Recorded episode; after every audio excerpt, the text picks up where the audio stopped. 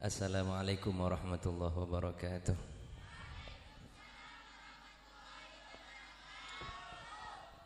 Bismillah, alhamdulillah, wassalatu wassalamu ala rasulillah Sayyidina wa habibina wa syafi'ina wa qurrati a'yunina Muhammad ibn Abdullah Sallallahu alaihi wasallam Wa ala alihi wa sahbihi wa man wala ma ba'du Qala rabbi syrah li sadri wa yassir li amri wa hlul uqdatan min lisani yafqahu qawli yang kami takzimi dan kami muliakan. Pengasuh Pondok Pesantren Ibnu Khalil Kiai Haji Imam Bukhari Khalil. Juga penasihat pondok Lora Najmun Nahid. Juga ketua Hamas Lora Rifki Baidawi juga segenap pengurus dari PW IAS Bangkalan dari Bansus dan semua keluarga besar Pondok Pesantren Ibnu Khalil dan yang terakhir adik-adik sekalian, sahabat-sahabat sekalian yang kami cinta sayangi.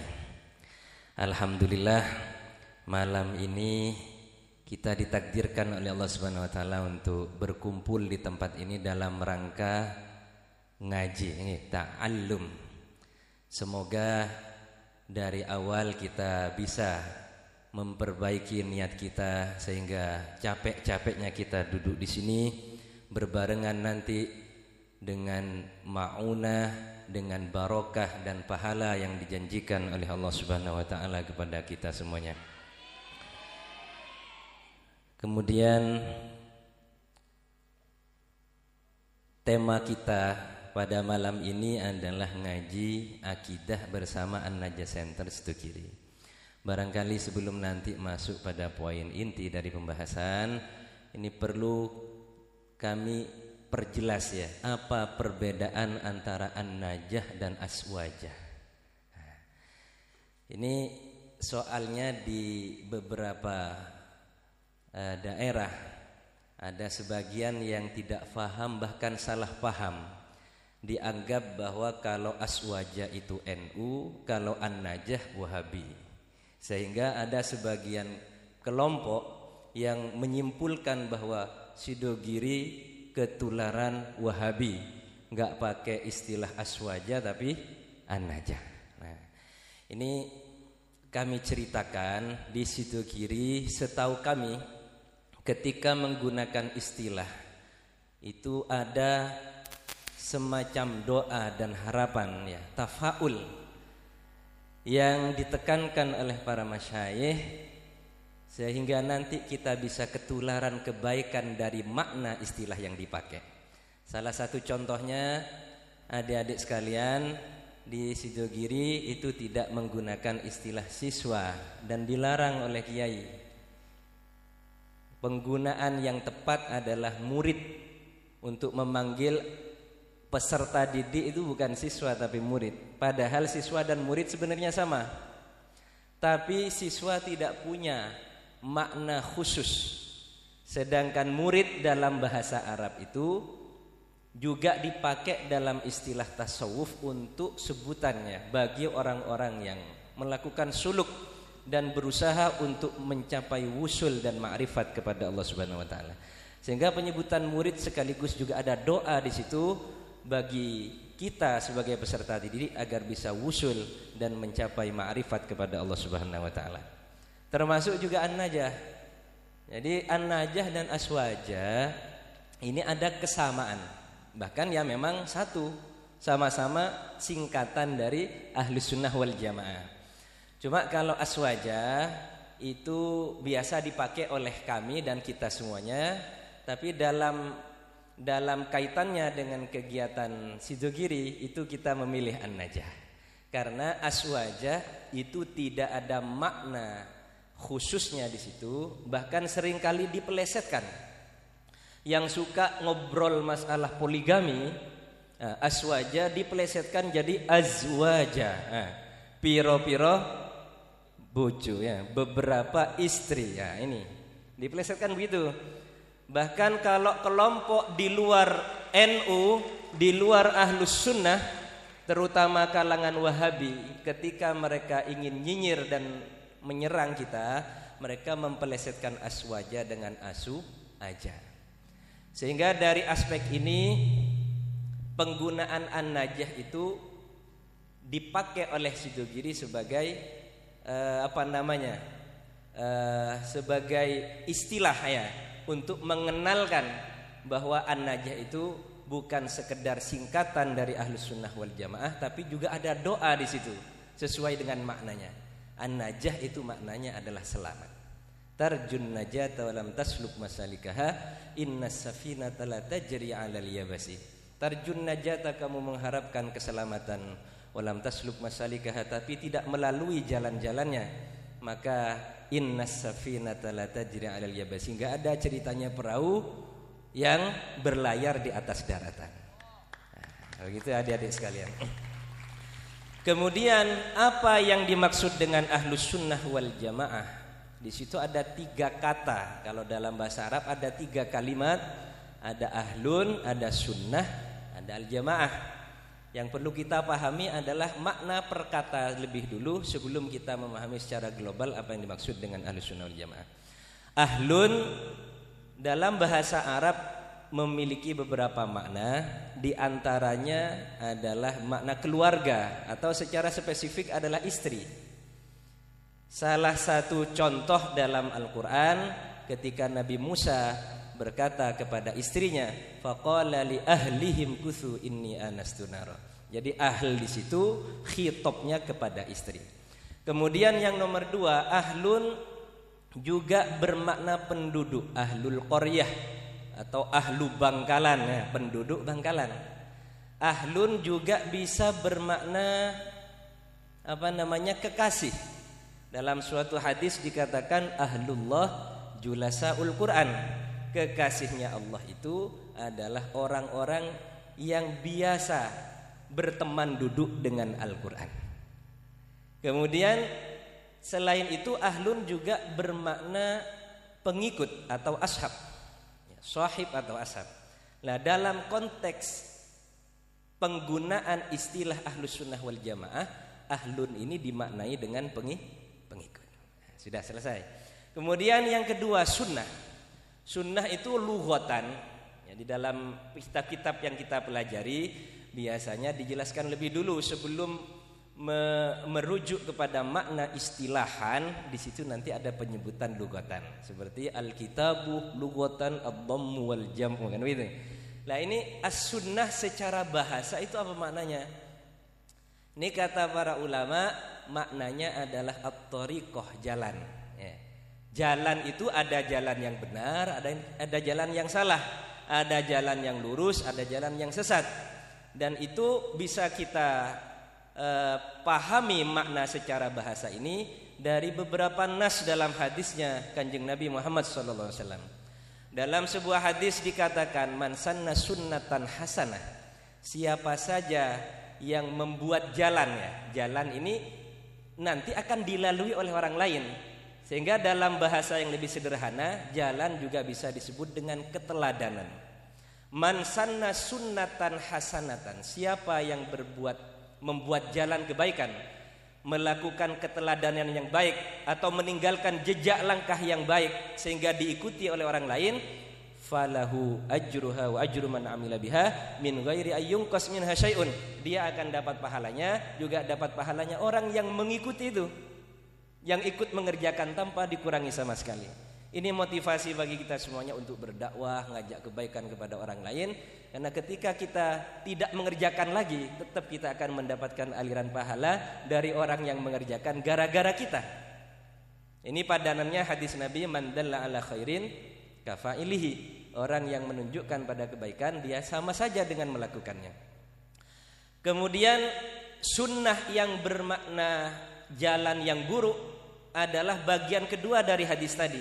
Man sanna fil Islam sunnatan sayyi'ah.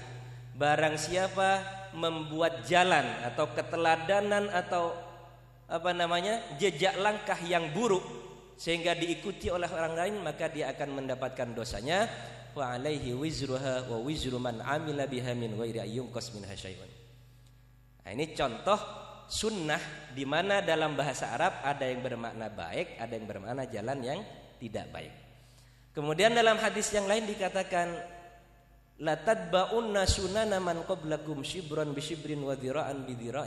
Kalian nanti di akhir zaman akan mengikuti akan meniru-niru sunan man qablakum. Sunan ini jamak dari sunnah.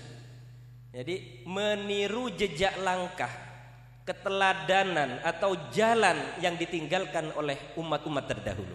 Sejengkal demi sejengkal, sehasta demi sehasta, sampai ketika mereka masuk ke dalam lubang biawak, dauhnya kanjeng Nabi, kalian akan mengikutinya. Nah, ini sudah jelas ya. Jadi sunnah dalam bahasa Arab maknanya adalah jalan yang benar atau jalan yang buruk.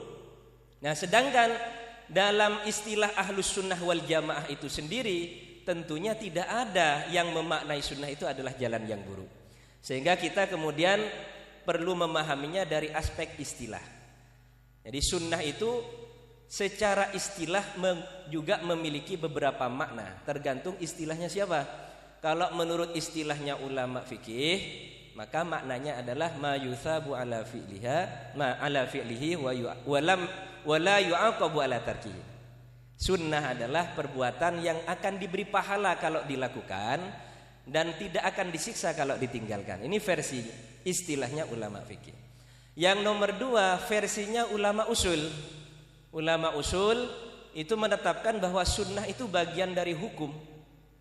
Hukum itu kaitannya nanti dengan redaksi nas dalam Al-Quran dan hadis. Sehingga dikatakan uh, apa namanya sunnah itu adalah iktidhaul fi'li iktidhaan ghaira jazim.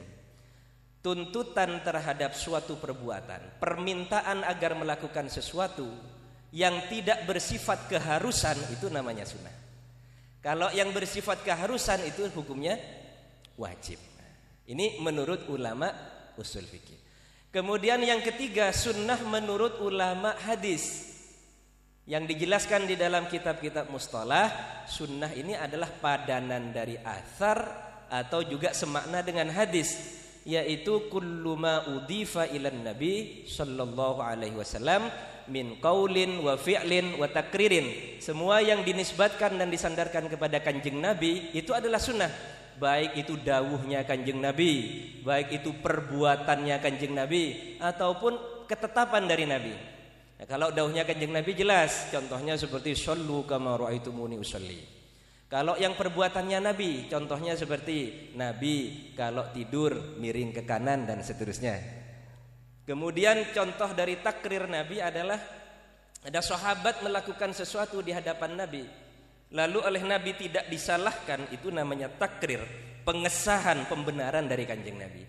Dan itu semuanya dalam ilmu hadis disebut dengan sunnah atau hadis.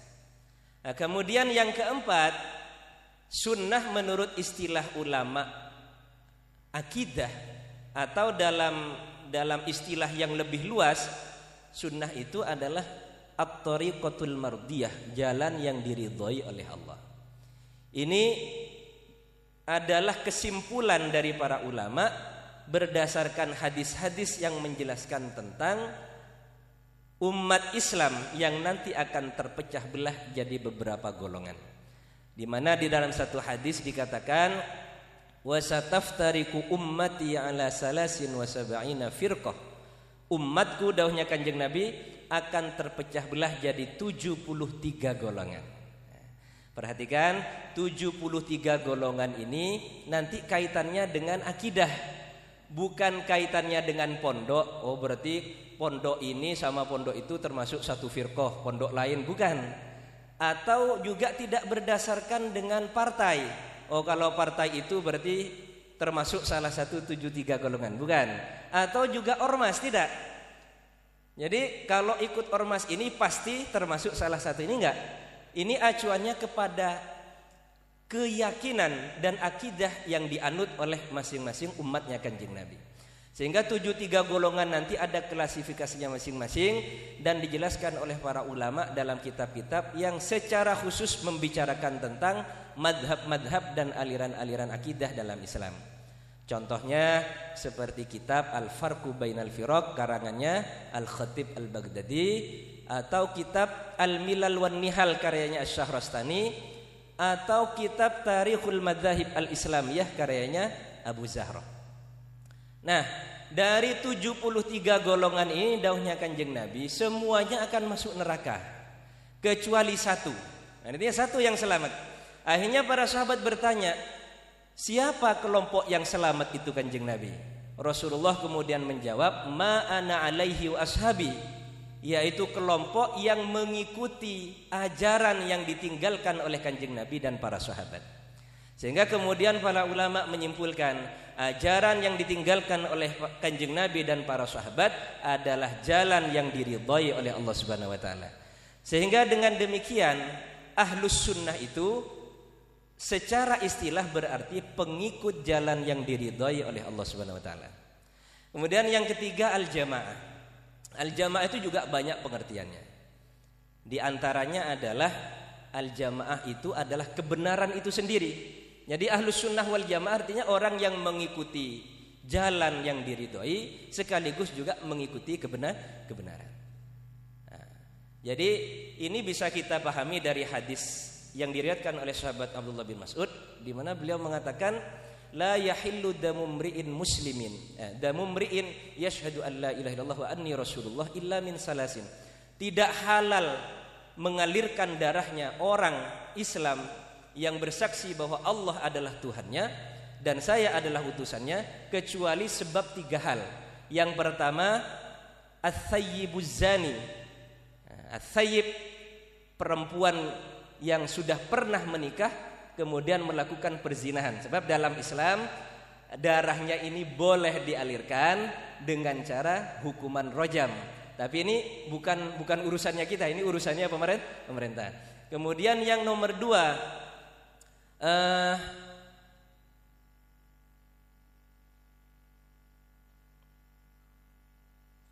Jadi yang pertama adalah at-thayyibuzan. Yang nomor dua an wan nafsu bin nafsi. Jadi boleh membunuh orang lain sebagai hukuman atas pembunuhan yang dia lakukan. Atau dalam bahasa lainnya adalah kisos. Jadi dalam hukum Islam dari dalam kitab-kitab fikih yang kita pelajari, kalau ada orang membunuh, dan disengaja maka hukumannya juga dibunuh. Kutiba alaikumul kisos fil dan seterusnya. Kemudian yang ketiga yang boleh dialirkan darahnya menurut hadis ini adalah at-tariku lidinihi al-mufariku lil jamaah. Orang yang meninggalkan agama yang secara tidak langsung juga disebut dengan al-mufarik lil jamaah yang meninggalkan kebenaran. Jadi oleh para ulama al-jamaah itu dimaknai dengan kebenaran atau penafsiran dari al-jamaah itu adalah frasa yang ada di bagian awal dari uh, kelompok tiga, tiga uh, kelompok ketiga yang terakhir ini. At-tariku lidinihi al-mufariku lil jamaah. Ini yang pertama. Kemudian yang kedua, al-jamaah itu dimaknai dengan sekumpulan orang banyak.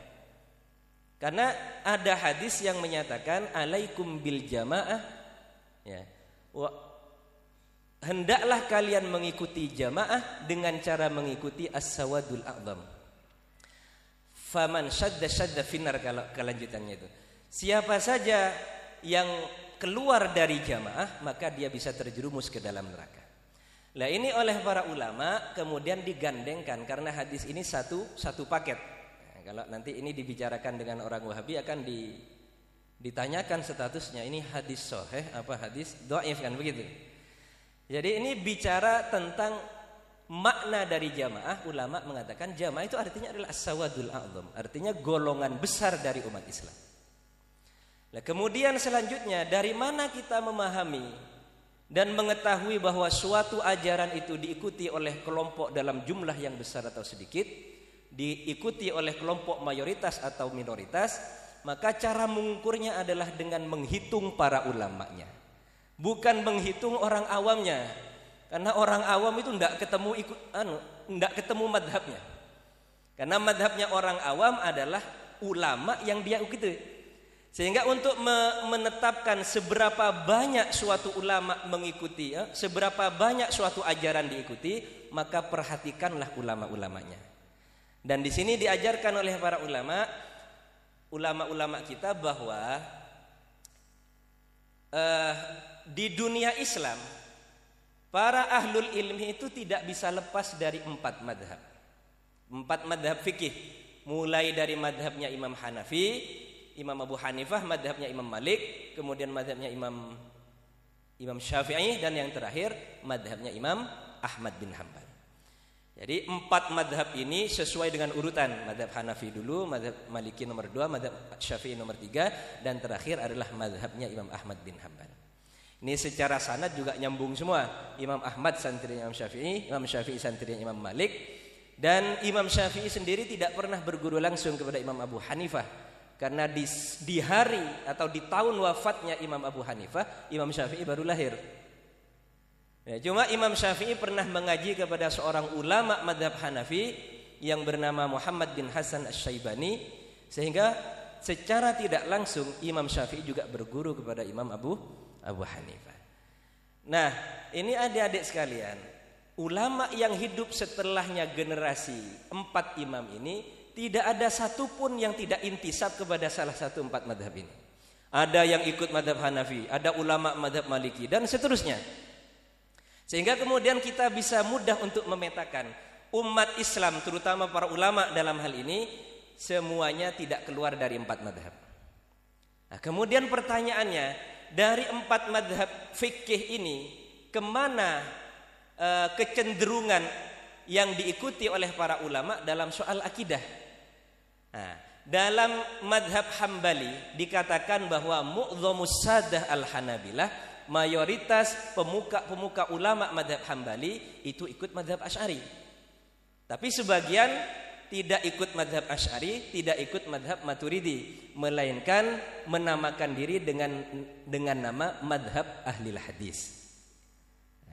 Kemudian yang nomor dua, pengikut madhab Syafi'i, sadah Syafi'iyah, mulai dari Imam Haramain, mulai dari Imam Ghazali, Imam Tajuddin As-Subuki, Imam Al-Baihaqi dan imam-imam yang lain dalam madhab kita sendiri madhab syafi'i hampir 100% semua dalam masalah akidah mengikuti madhab asy'ari. Kemudian yang ketiga madhab maliki. Ulama-ulama madhab maliki bisa dikatakan 90% ikut madhab asy'ari.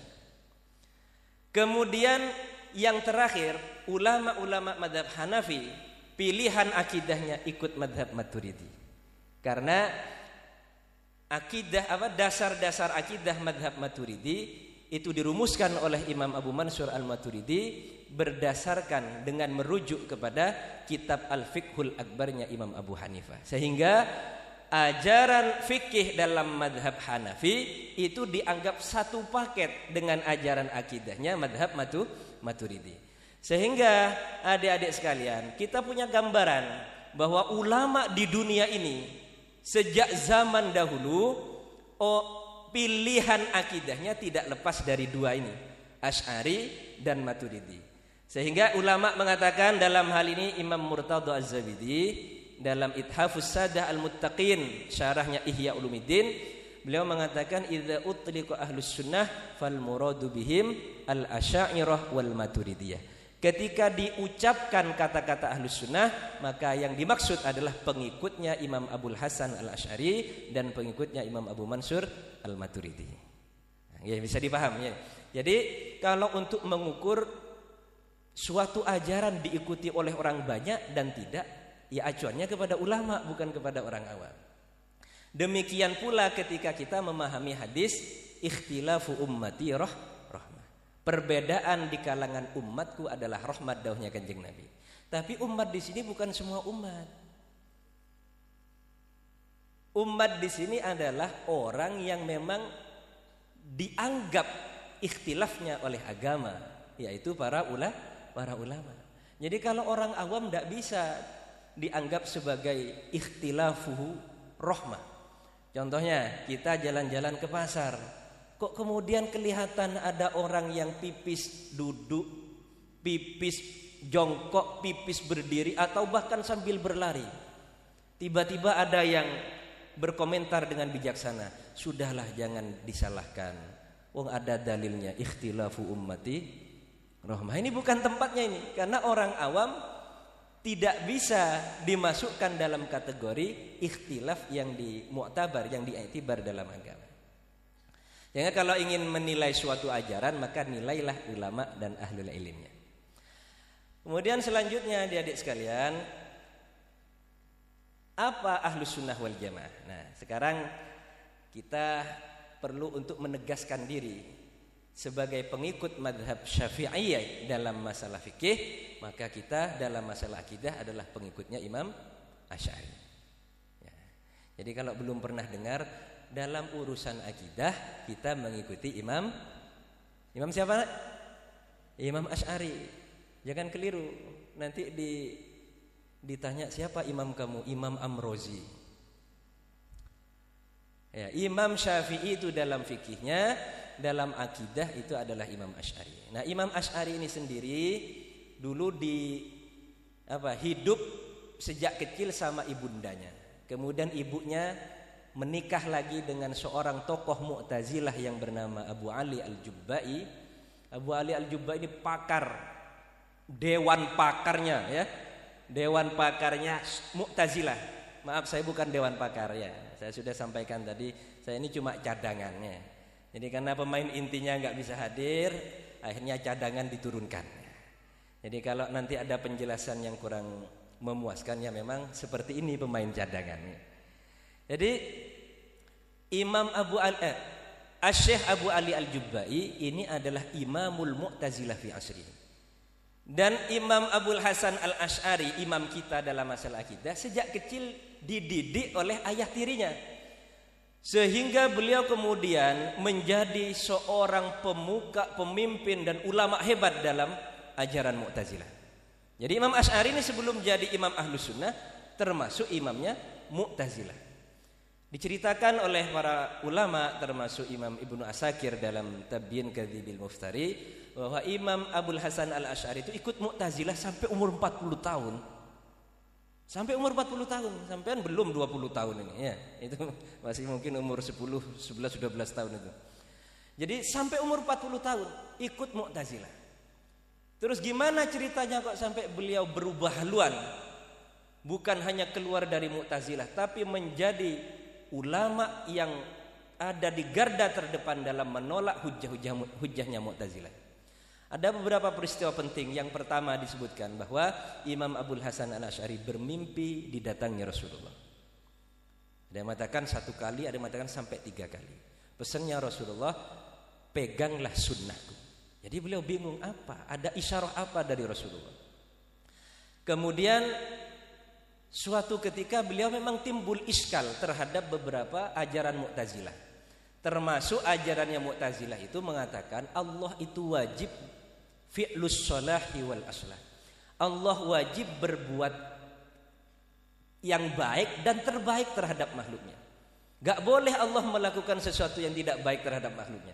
Ini menurut peraturannya Mu'tazilah terhadap Tuhannya ya. Jadi mereka membuat undang-undang untuk Tuhan. Jadi katanya Allah tidak boleh berbuat sesuatu terhadap makhluknya kecuali yang baik-baik saja.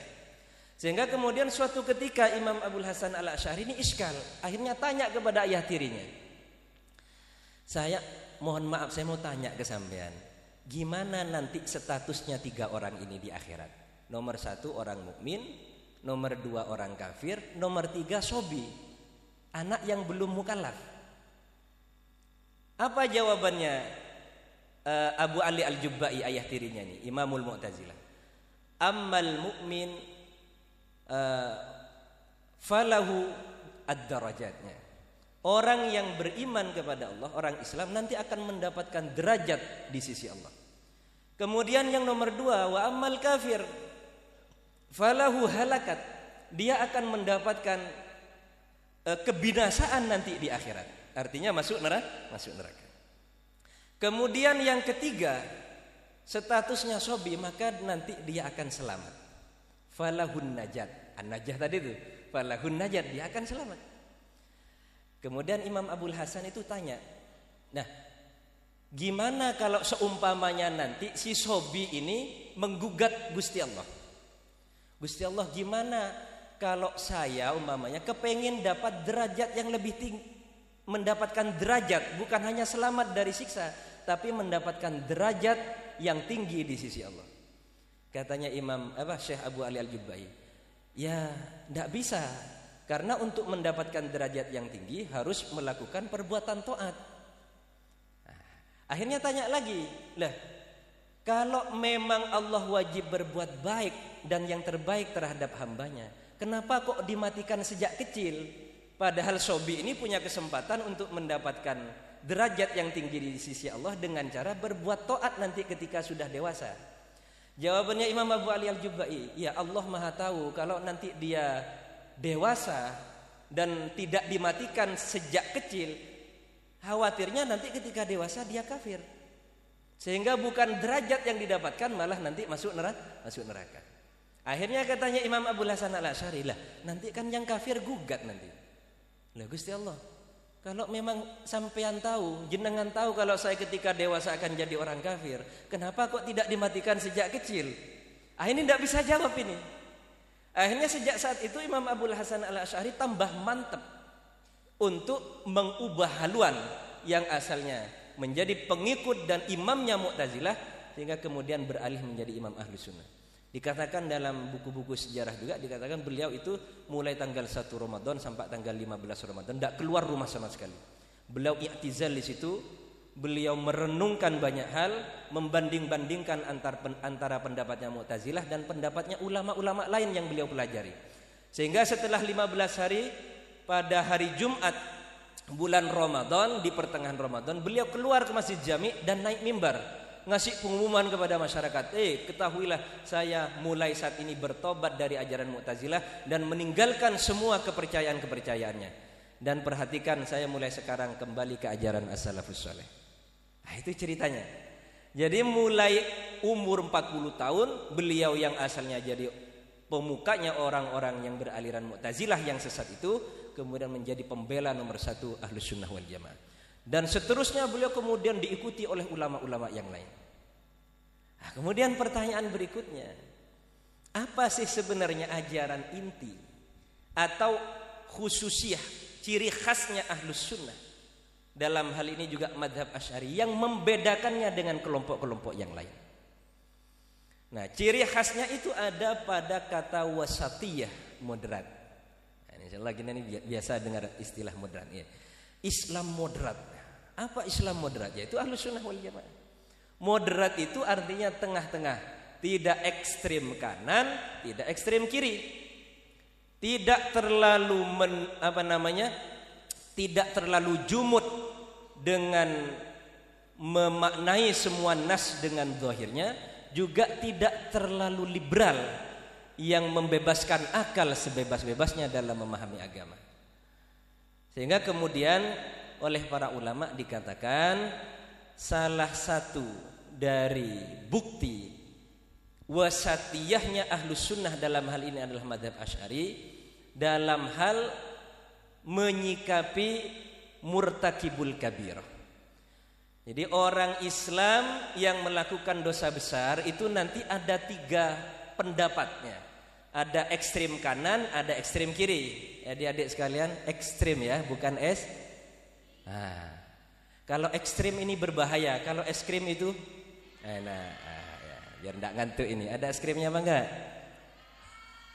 Jadi ekstrim kanan, ekstrim kiri, kelompok keras sebelah kanan, ada kelompok keras sebelah kiri. Di mana ketika ditanya bagaimana menurut sampean mengenai orang Islam yang melakukan dosa besar. Ini kalau berbicara tentang aliran-aliran pasti ini dibahas ya. Statusnya murtakibul kabirah. Ada kelompok kanan namanya Khawarid, juga ada kelompok kanan namanya Mu'tazilah. Sama-sama kanannya ini dalam soal ini. Menurut Khawarid, orang Islam yang berbuat dosa, dosa besar ya, maka Islamnya batal, imannya batal dan otomatis menjadi kafir. Nah, kalau sudah kafir maka halal darahnya. Nanti di akhirat akan kekal di neraka. Makanya dulu Sayyidina Ali radhiyallahu anhu Rabiul Khulafa'ir Rasyidin khalifah yang keempat dalam Khulafaur Rasyidin, beliau itu wafat bukan dibunuh oleh orang kafir, tapi dibunuh oleh orang Islam yang afiliasi pemikiran dan keyakinannya adalah Khawarij. Jadi menurut orang Khawarij, kenapa Sayyidina Ali kok dibunuh? Karena dianggap telah kafir. Alasannya karena Sayyidina Ali ketika menjadi pemimpin menjalankan suatu keputusan tidak berdasarkan Al-Qur'an. Walam yahkum bima anzalallah faulaika humul kafirun. Nah, dalil ini diambil zohir-zohirnya saja sehingga kemudian mereka gampang mengkafirkan sesama orang Islamnya. Jadi perhatikan, menurut Khawarid orang Islam yang berbuat dosa besar Islamnya batal, otomatis kafir dan halal darahnya. Dan di zaman sekarang adik-adik sekalian, pemikiran Khawarid ini diadopsi oleh kelompok-kelompok teror teroris. Jadi ada teroris itu ada yang ngebom sesama Islamnya, bunuh sesama Islam. Kenapa kok bisa jadi raja tega kayak gitu? Karena dari keyakinannya demikian. Kemudian yang nomor dua masih di kelompok kanan ada kelompok Mu'tazilah. Menurut Mu'tazilah orang Islam yang melakukan dosa besar itu batal Islamnya. Dalam artian dia bukan orang Islam, tapi juga bukan orang kafir. Nah ini uniknya ini. Jadi statusnya orang Islam yang berbuat dosa besar katanya Mu'tazilah adalah orang yang bukan-bukan. Bukan Islam juga bukan kafir. Terus apa statusnya? Mereka kemudian membuat istilah baru yang disebut dengan manzilah bainal manzilatain. Nah, jadi menurut Mu'tazilah orang Islam yang model kayak gini yang melakukan dosa besar di akhirat akan selamanya ada di neraka, cuma siksanya lebih ringan daripada siksanya orang kafir asli. Nah, ini ekstrim kanan, bukan ajaran ahlu sunnah. Kemudian ada ekstrim kiri, kebalikan dari kelompok yang kanan tadi. Namanya kelompok murjiah. Menurut kelompok murjiah, orang Islam yang melakukan dosa besar tidak masalah sama sekali. Kalau sudah punya KTP Islam, kalau sudah beragama Islam, maka dia bebas sebebas-bebasnya melakukan perbuatan dosa. Karena kewajiban bagi Allah untuk memperlakukan baik terhadap orang yang beriman kepadanya. Nah, jadi prinsipnya murjiah ini adalah la tadurru ma'al imani maksiyatun kama la tanfa'u ma'al kufri ta'atun. Jadi la tamfa'u ma'al kufri ta'ah. Tidak ada gunanya perbuatan taat disertai dengan kekafiran. Artinya orang kafir mau berbuat baik sebanyak apa pun itu tidak ada guna gunanya. Menurut Allah, kalau menurut kita kan enggak ya, menurut manusia. Kalau ada yang nyumbang meskipun kafir itu bah baik betul ya. Nah, jadi standarnya menurut manusia dan menurut Allah berbeda. Nah, kita sebagai manusia ya kita juga diajarkan untuk muamalah bil khair dengan sesama manusianya, tapi dalam konsep ajaran kita harus tegas bahwa menurut Islam orang yang tidak memeluk agama Islam habitat a'maluhum fid dunya wal akhirah. Kalau dalam soal ini kita sepakat dengan Murji'ah. Tapi problemnya adalah di bagian kedua dari yang disampaikan oleh mereka adalah la tadurru ma'al Eh, la tadurru ma'al iman maksiatun. Kalau sudah beriman kepada Allah, maka tidak ada problemnya berbuat maksiat. Maksiat ini bahaya adik sekalian. Kalau diceritakan kepada masyarakat awam ini yang biasanya mencuri akan tambah semangat nanti untuk mencuri. Karena KTP-nya sudah Islam, yang penting Islam mau berbuat kejelekan apa pun tidak ada masalah. Atau yang biasa tidak sholat diceritakan ajaran yang murjiah, tambah tidak sholat nanti. Tapi ini bukan ajaran ahlu sunnah wal jamaah.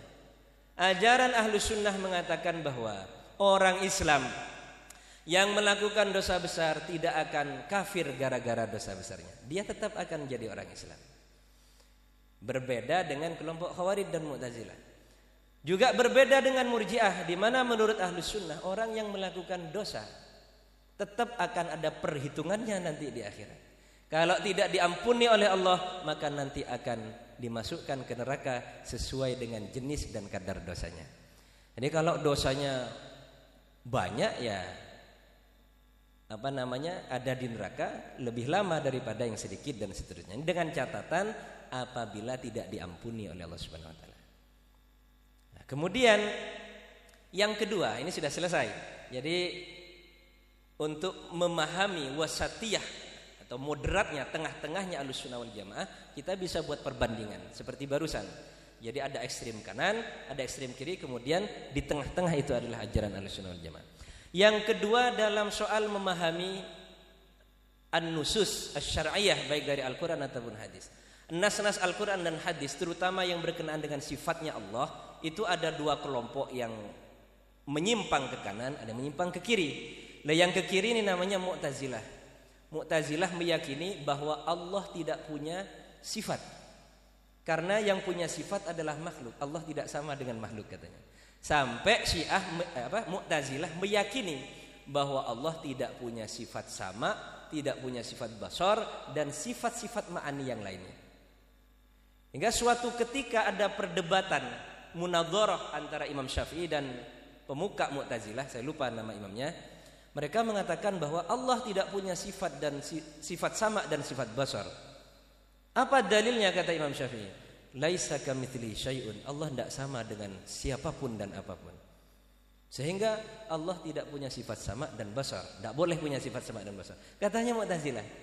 Terus Imam Syafi'i berkata, coba lanjutkan ayatnya. Ayo coba lanjutkan. Nah, ayat itu kalau dilanjutkan, laisa kamitsli syai'un wa huwas samiul basir. Nah, Allah menetapkan sifat sama dan basar kepada dirinya. Kok kamu yang menolak? Nah ini problemnya Mu'tazilah di situ. Terlalu mendahulukan akal sehingga banyak dalil-dalil dalam Al-Quran dan hadis yang sore itu ditabrak semuanya. Jadi kelompok Mu'tazilah dalam kitab Tauhid yang kita pelajari seperti apa namanya Ad-Dasuki ya atau Sanusinya itu Matan Sanusi mereka juga dikenal dengan kelompok An-Nufat ya Nufatus Sifat kelompok yang menafikan sifat-sifatnya Allah atau juga dikenal dengan istilah Jahmiyah. Jadi Jahmiyah ini Mu'tazilah, tapi oleh orang Wahabi kita Asy'ari dituduh Jahmiyah kan repot ini. Kita melawan Jahmiyah tapi dituduh Jahmiyah. Kemudian ada kelompok kanan. Nah, ini penting karena di Bangkalan sudah mulai banyak ini. Kelompok kanan ini Mujassimah yang di zaman sekarang diwakili oleh kelompok yang dikenal dengan Wahabi ini. Jadi menurut Mujassimah semua enas dalam Al-Quran dan hadis terutama yang berkenaan dengan sifat-sifatnya Allah itu wajib diyakini, diimani semuanya. Dan yang nomor dua wajib dimaknai dan dipahami sesuai dengan makna zahirnya. Berarti kan kelompok Wahabi itu ketika memahami Al-Quran dan hadis terutama sifat-sifatnya Allah wajib mengimani semuanya. Yang nomor dua, wajib memahaminya sesuai makna zahir. Nah ini ahlus sunnah wal jamaah ada di tengah-tengah lagi adik-adik sekalian.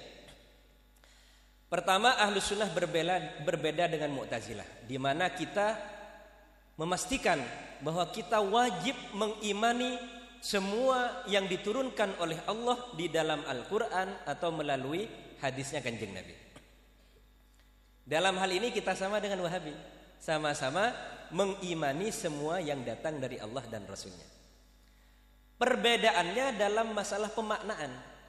Kalau orang-orang Wahabi dan Mujassimah itu memaknai semua ayat-ayat terutama ayat sifat dengan makna zahirnya, kalau kita enggak kita lihat dulu kalau sekiranya bertentangan dengan ayat laisa kamitsli syai'un, maka kita perlu untuk menyesuaikan dengan keyakinan itu. Allah tidak sama dengan makhluk. Allah tidak sama dengan siapa pun. Sehingga ketika ada ayat yang secara zahir menjurus pada penyerupaan atau penyamaan Allah dengan makhluk, maka kita menghindari makna zahirnya. Apa contohnya? Contohnya seperti Ar-Rahman 'alal arsyistawa. Ar-Rahman alal arsistawa. Allah istiwa di atas aras. Ini kalau menurut Mu'tazilah Allah tidak punya sifat istiwa. Langsung begitu. Kalau menurut Mujassimah dan Wahabi langsung diartikan sesuai zahir. Allah menetap di atas aras. Artinya Allah bertempat di atas aras. Kalau menurut kita Ahlus Sunnah wal Jamaah bagaimana?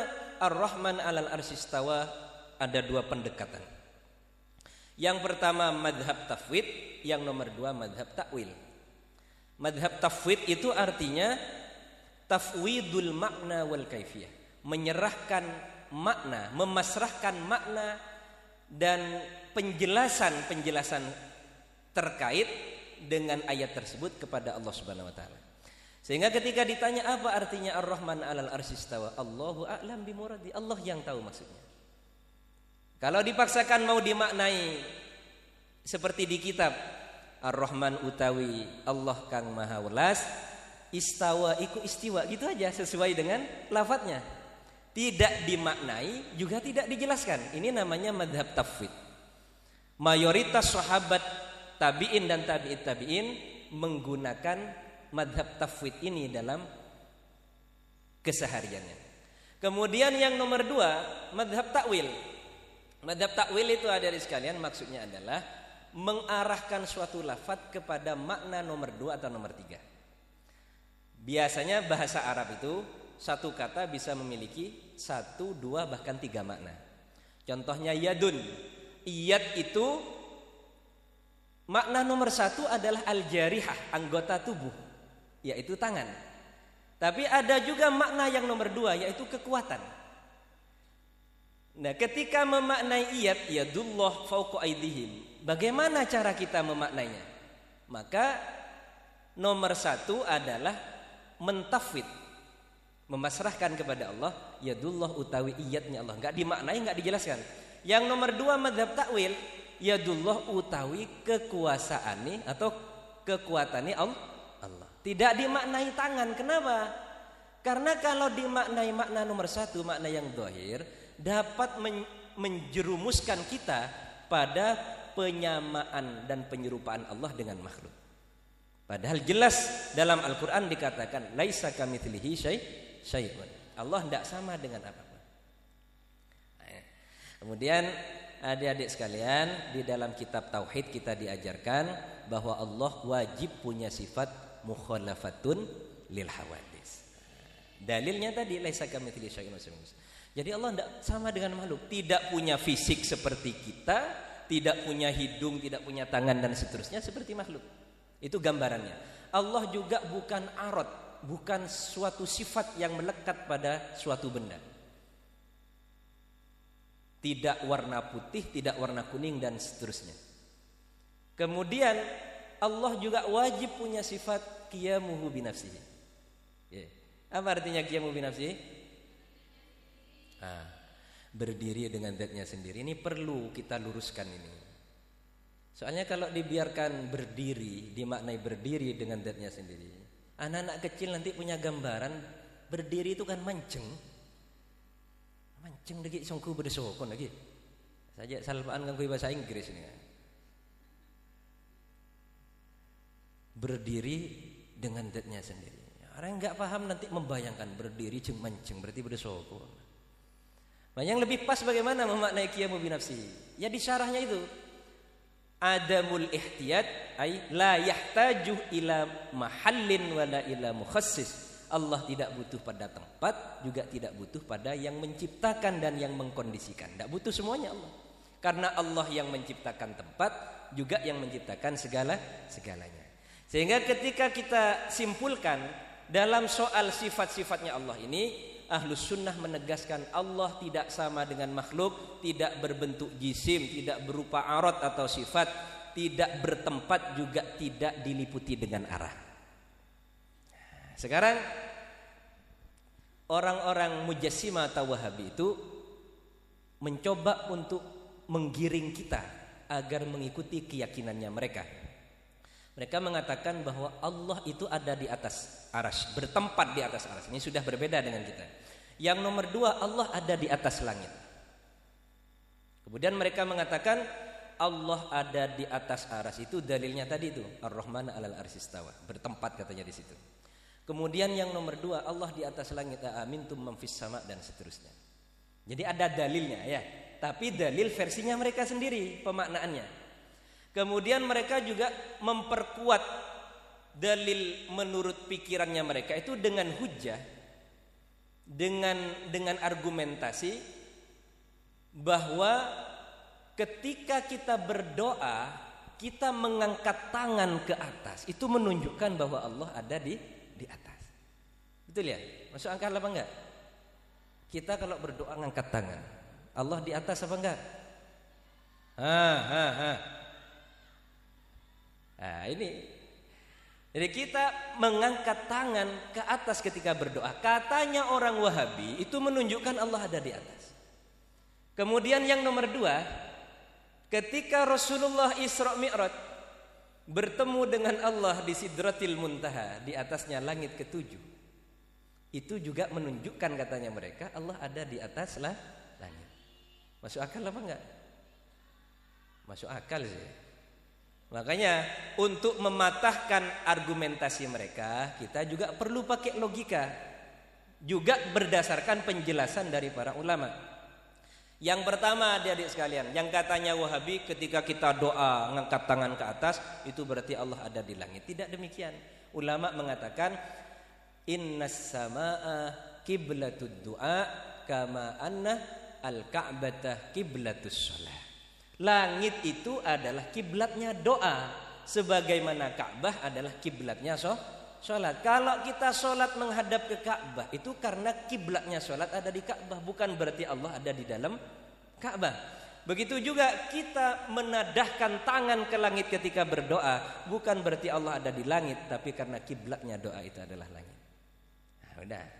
Yang tadi sudah salah itu, sudah jelas salahnya ini. Kemudian bagaimana dengan Isra Mi'rajnya Nabi? Itu tidak ada kaitannya dengan Allah, itu kaitannya dengan Kanjeng Nabi. Allah ingin berjumpa dengan kanjeng Nabi di tempat yang paling spesial bagi kanjeng Nabi.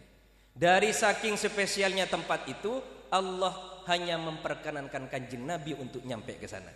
Malaikat Jibril yang menemani Nabi mulai dari Mekah sampai ke Baitul Maqdis di Palestina, kemudian Mi'raj, langit satu, langit dua, sampai ke langit ketujuh itu dibarengi oleh Malaikat Jibril.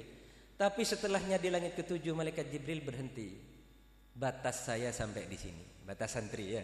Batas saya sampai di sini. Jadi tidak ikut naik ke Sidratil Muntaha. Kenapa? Karena Sidratil Muntaha itu dicipta, diciptakan oleh Allah spesial untuk orang yang paling spesial yaitu Rasulullah SAW. Sehingga tidak bisa diambil kesimpulan bahwa Allah ada di atas langit. Tidak bisa. Kalau dipaksakan seperti itu maka nanti akan terjadi ta'arud bainal adillah. Katanya para ulama, kalau Al-Quran Nas Al-Quran dan hadis dipaksakan Diartikan secara zahir semua Maka akan menyebabkan terjadinya ta'arud pertentangan. Atau kalau bahasa Maduranya itu kontradiksi Antara satu dalil dengan dalil yang lain. Contohnya ini. Katanya dalil yang satu ada di atas Kalau mau mau ikut logikanya Wahabi Kalau diartikan secara zahir juga ada ayat yang menjelaskan bahwa Nabi Musa itu bermukalamah dengan Allah di Gunung Tursina. Fakhla'na 'alaika innaka bil wadil tuwa wa ana ikhtartuka fastami' lima yuha. Innani anallahu la ilaha illa ana fa'budni wa aqimis sholata li dzikri. Itu di Gunung Tursina. Apakah kemudian kita menyimpulkan Allah ada di Gunung Tursina? Lah ini persoalannya di situ. Kalau diartikan secara zahir semua akan bertentangan nanti. Sebenarnya di mana tempatnya? Di Gunung Tursina apa di atas langit? Kemudian ketika menjelaskan tentang ceritanya Nabi Ibrahim, dikatakan Nabi Ibrahim itu ingin pergi ke Palestina. Al-Qur'an menjelaskan perkataannya Nabi Ibrahim, "Inni dzahibun ila rabbi sayahdin." Saya ingin pergi ke Tuhanku. Maksudnya itu mau pergi ke Palestina. Nah, ini kalau diambil secara zahir ikut logikanya Wahabi, berarti tempatnya Allah itu di mana? Nah, Palestina. Ini kan ruwet nanti ini. Mana yang benar ini? Di langit, di aras, di Palestina, apa di Gunung Tursina? Nah, saya juga punya cerita adik-adik sekalian ya. Ini kan kekonyolan itu kan perlu diceritakan. Dulu waktu di Bandung ada seorang ustadz ya. Ustadz Wahabi mengatakan bahwa Ar-Rahman alal arsistawa itu artinya Allah menetap di atas aras. Siapa saja yang tidak meyakini hal ini berarti telah mengingkari Al-Quran. Wah begitu. Dan biasa kita ikut Al-Quran dan hadis. Jangan ikut ulama katanya. Loh, kamu bukan karena ulama tidak maksum. Loh, memangnya yang mengatakan itu maksum lah. Atau kalau kita pakai logikanya mereka, kita kembali kepada Al-Qur'an dan hadis. Jangan ikut imam itu imam itu, mereka manusia bisa saja salah. Nah, kalau imam-imam hebat itu bisa saja salah, apalagi orang yang mengata, mengatakan. Jadi kita tetap ikut Al-Qur'an tapi menurut ulama-ulama yang sudah teruji, sudah diakui oleh umat Islam sepanjang sejarah dengan keilmuan dan kehati-hatiannya dalam agama. Nah, jadi ada juga cerita ini, ini nyelat-nyelat ini. Ada orang minta fatwa kepada seorang ulama. Uh, saya mau tanya persoalan ini. Akhirnya karena orang ini memang ada bau-bau wahabinya, kemudian ditanya, kamu uh, uh, saya jawab dengan pendapatnya Imam Malik atau saya langsung jawab dengan Al-Quran? Oh dengan Al-Quran saja. Saya lebih cocok sumber aslinya daripada lewat orang lain katanya. Akhirnya dikatakan oleh kiainya itu, ya sudah saya tidak bisa jawab. Wong kamu Imam Malik saja ditolak apalagi pendapatnya saja saya yang mengatakan ini penjelasannya Al-Qur'an. Al-Qur'an. Dia paham maksud saya? Jadi orang Wahabi itu kan mengatakan begini, ayo kita kembali ke Al-Qur'an dan hadis, tidak usah ikut kiai-kiai. Lah memang kiai itu tidak ikut Al-Qur'an dah. Kong dari dulu kiai ngajinya ke kiai, kiainya ke kiainya, ke ulama ke sampai terusnya sampai dan tidak ada satupun yang tidak merujuk kepada Al-Qur'an itu. Tapi mereka cek pede nanya cek bedina ayo cek norok kiai norok Al-Qur'an. Artinya secara tidak langsung cek norok kiai ruah norok Al-Qur'an mongku engkau bayi cek norok Al-Qur'an mongku kan repot kayak gini. Jadi dulu di, di Bandung itu ada cerita seorang Ustadz Wahabi mengatakan jangan sampai meyakini bahwa Allah tidak menetap di aras karena dengan demikian berarti mengingkari Al-Qur'an hanya pada waktu sesi tanya jawab saya tanyakan, Ustadz tadi sampean mengatakan bahwa Allah menetap di atas aras berdasarkan Ar-Rahman alal arsistawa. Orang yang tidak meyakini Allah bertempat di atas aras berarti mengingkari Al-Quran. Apa betul demikian? Berarti harus di mana secara zahir. Pertanyaan saya gimana dengan hadis sahih? Kan mereka kalau kalau hadis doif itu dianggap hadis maudhu semua. Ini juga mukhalafah ijma'nya ulama. Bagaimana dengan hadis sahih yang dikenal dengan hadis nuzul? Hadis turunnya. Di sana diceritakan Allah turun ke langit dunia setiap malam hina yabqa sulusul lailil akhir. Ketika tersisa waktu sepertiga malam. Jadi hadis itu secara zahir menceritakan kepada kita bahwa Allah turun ke langit dunia setiap sepertiga malam terakhir. Di bumi yang kita tempati ini ada waktu sehari semalam itu sebanyak 24 jam. Nah, sepertiga malam terakhir itu seperti waktu maghrib. Artinya bumi ini selama 24 jam pasti mengalami waktu maghrib. Begitu juga selama 24 jam bumi ini pasti mengalami waktu sepertiga malam terakhir. Nah, sekarang di sini Isya, kemudian bergeser. Sebelah sana Isya Surabaya, kemudian terus eh, Lamongan, terus ke Bandung, ya, ke, ke Semarang, terus sampai ke Jakarta. Nah, sampai selama 24 jam ini pasti ada waktu maghrib, ada waktu isya, juga ada waktu sepertiga malam terakhir. Dengan demikian selama 24 jam ini mestinya Allah Tuhan ini turun ke langit dunia. Kalau ikut pemaknaan secara zahir terhadap hadis itu. Jadi pertanyaan saya Ustadz kata saya kepada Ustadz Habib, kapan Allah duduk di atas aras? Kalau selama 24 jam terus turun ke bu ke langit dunia. Ya tidak bisa jawab.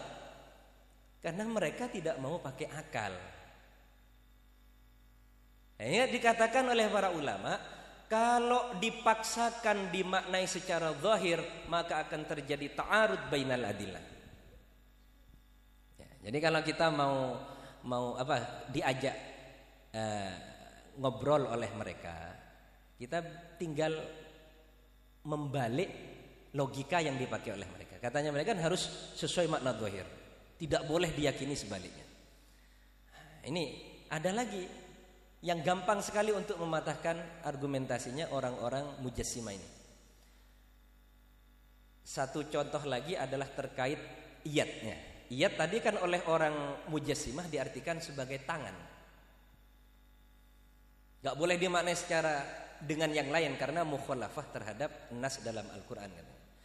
Nah, sedangkan di dalam Al-Quran itu adik-adik sekalian ada tiga ayat yang membicarakan tentang iyat dan itu segotnya beda-beda. Nomor satu yadullah fauqa itu mufrad. Kalau yang belajar nahu mufrad itu artinya satu. Tanyakan kepada orang Wahabi. Berapa tangannya Allah? Kalau berdasarkan ayat ini mestinya satu. Kalau mengatakan yang tidak tahu, loh. Katanya ikut dohirnya Al-Quran. Oh, Al-Quran itu menyebutkan iyat itu mufrad. Kalau mengatakan satu nanti akan bertentangan dengan yang lain.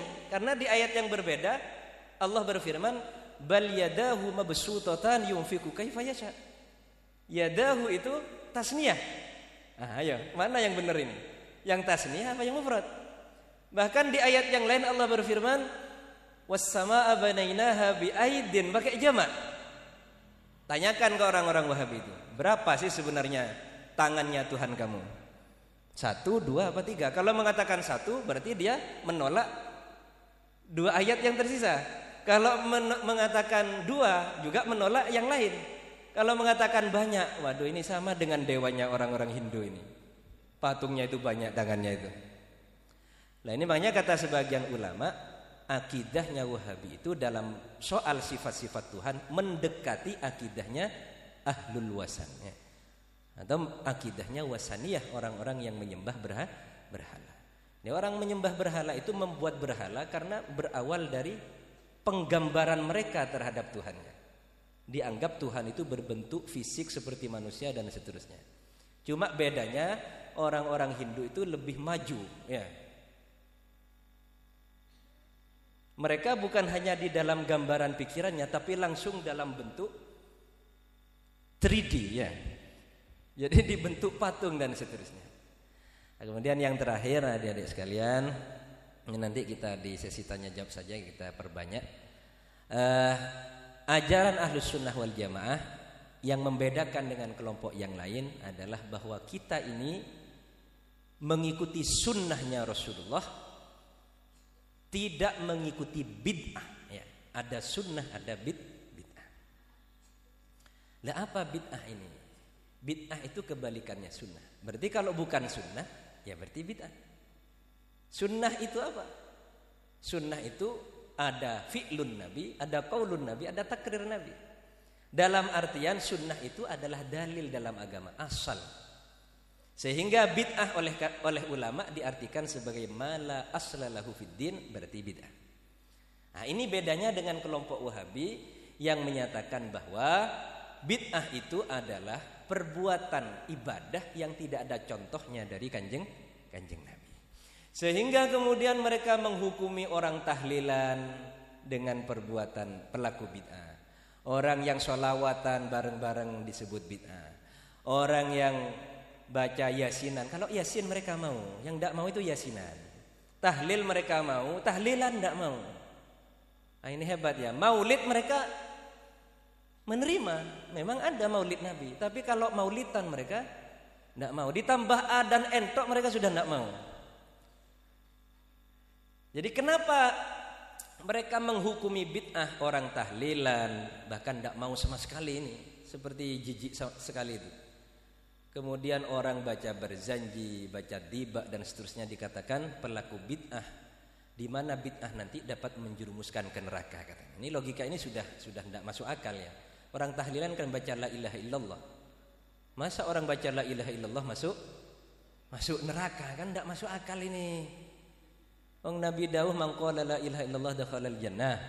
Man kana akhiru kalamihi la ilaha illallah dakhalal jannah. Ini beda ini. Orang tahlilan yang baca la ilaha illallah dianggap berlaku bid'ah dan nanti masuk neraka.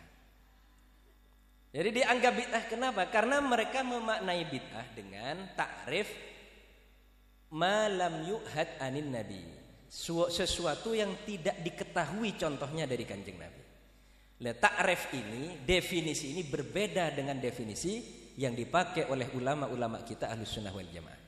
Di mana para ulama mengatakan bahwa bid'ah itu adalah mala aslalahu fiddin, adalah perbuatan yang tidak ada dasarnya, tidak ada dalilnya dalam agama. Jadi kalau masih ada dalilnya tidak masalah. Dalil itu ada dalil khusus, ada dalil dalil umum. Nah, kalau orang tahlilan itu apa dalil umumnya? Halqatul zikri, perkumpulan yang mengajak untuk mengingat kepada Allah itu dianjurkan oleh Kanjeng Nabi. Bahkan dalam satu hadis Rasulullah bersabda, "Idza marartum biryadil jannah farta'u." Kalau kalian jalan-jalan ketemu dengan perkebunan surga, maka berhentilah kalian, nikmatilah suasananya. Rasulullah kemudian ditanya oleh para sahabat, "Wa ma riyadul jannah ya Rasulullah?" Apa yang dimaksud perkebunan surga ya Rasulullah? Padahal kita masih hidup di dunia. Rasulullah menjawab, "Majalisudz dzik, majalisudz dzikri." Majelis-majelis zikir itu oleh Rasulullah digambarkan sebagai riyadul jan jannah. Tapi oleh mereka dianggap sebagai riyadun nar. Perkebunan neraka ini bahaya ini. Jadi sekali lagi uh, masalah bid'ah ini hadirin hadirat semuanya sampai hari kiamat pun tidak akan pernah selesai permasalahannya dengan kelompok di luar ahlus sunnah wal jamaah. Problem utamanya ada pada takrif yang berbeda, definisi. Kalau menurut mereka bid'ah itu ibadah yang tidak ada contohnya dari kanjeng Nabi. Kalau menurut kita dan ulama-ulama ahlu sunnah wal jamaah maksudnya eh, bid'ah adalah perbuatan yang tidak ada dalilnya dalam agama. Bukan tidak ada contohnya, tidak ada dalilnya dalam agama. Oke, marhaban Ketua PW IAS Bangkalan, Rafahat. Oke, demikian yang dapat kami jelaskan. Nanti apa-apa yang belum terjelaskan atau ada keiskalan-keiskalan bisa kita uh, diskusikan pada acara sesi tanya jawab. Dan dari kami kurang lebihnya mohon maaf. Wassalamualaikum warahmatullahi wabarakatuh.